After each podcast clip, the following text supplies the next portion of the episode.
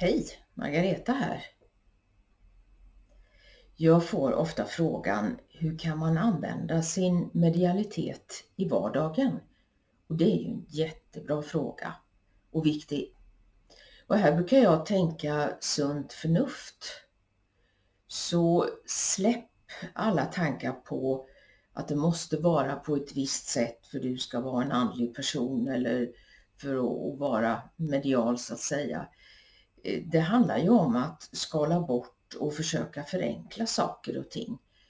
Så ehm, krångla inte till det och det är ju mycket distraktioner, happenings och event och sådana saker som kan uppta ens tankebanor och leda in en på vissa spår. Men var lite kritisk här och känn efter själv. Vad, vad är sunt förnuft? Vad behöver jag egentligen?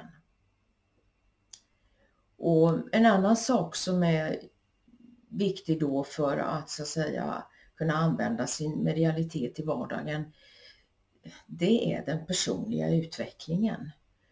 Och det är kanske inte så flashigt. Det kräver både mod och envishet och tålamod. Eh, och personlig utveckling kan ju vara väldigt mycket. Allt ifrån eh, att man jobbar med eh, sin självkännedom, Eh, från att man tittar på sin stress, eh, att man eh, lever ett hållbart liv, att man ändrar sin kost och äter sunt. Så att säga, det kan vara väldigt mycket. Man tittar på motionen och vill förbättra den. Det kan också handla om att man känner att det skaver någonstans och man vill jobba med sånt som man upplever blockerar en i livet. Så det är ju en väldigt brett fält det här med personlig utveckling. Men jag vet ju det att eh, alla dessa events och happenings och en del kursböcker och kurser också för den delen och prylar, icke att förglömma, eh, får en att gå i cirklar och det blir någon slags ehm, eh,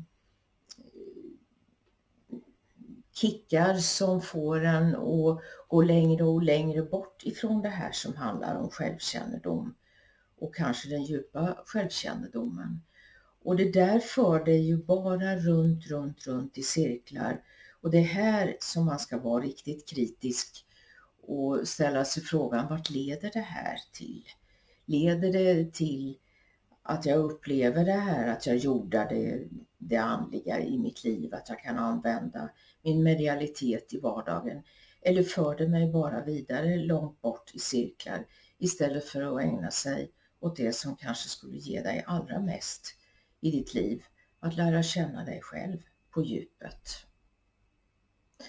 Och en tredje sak som jag tycker är viktig när det gäller eh, att jorda det andliga och kunna använda sin medialitet i vardagen, det är ju naturen.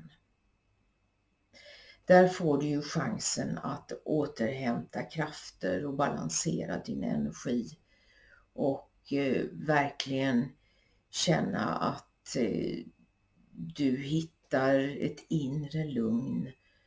Så mm, det kan ju handla om att du går en promenad i naturen och då blir ju det faktiskt en rörelsemeditation.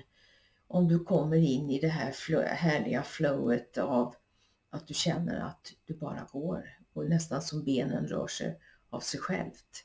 Så naturen har mycket lugn och ehm, skapar också närvaro i nuet och du kan sortera dina tankar så att du fokuserar på rätt saker. Och det är ju lite det här också, den fjärde grejen som jag tänker att skapa harmoni i ditt liv. Det är verkligen viktigt att inte låta dig drivas med i massa fluff-fluff inom det andliga och mediala utan att skala av och skala ner och förenkla och lyssna till ditt inre. Vad är det som jag behöver för att skapa harmoni och balans i mitt liv? Och ju mer harmoni du hittar, desto fler subtila, de här svaga förnimmelserna kan du ju ta emot.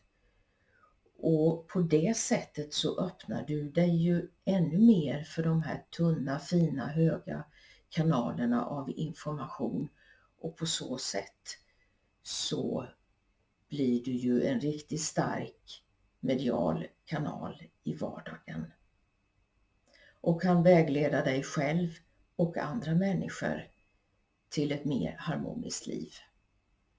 Så lycka till!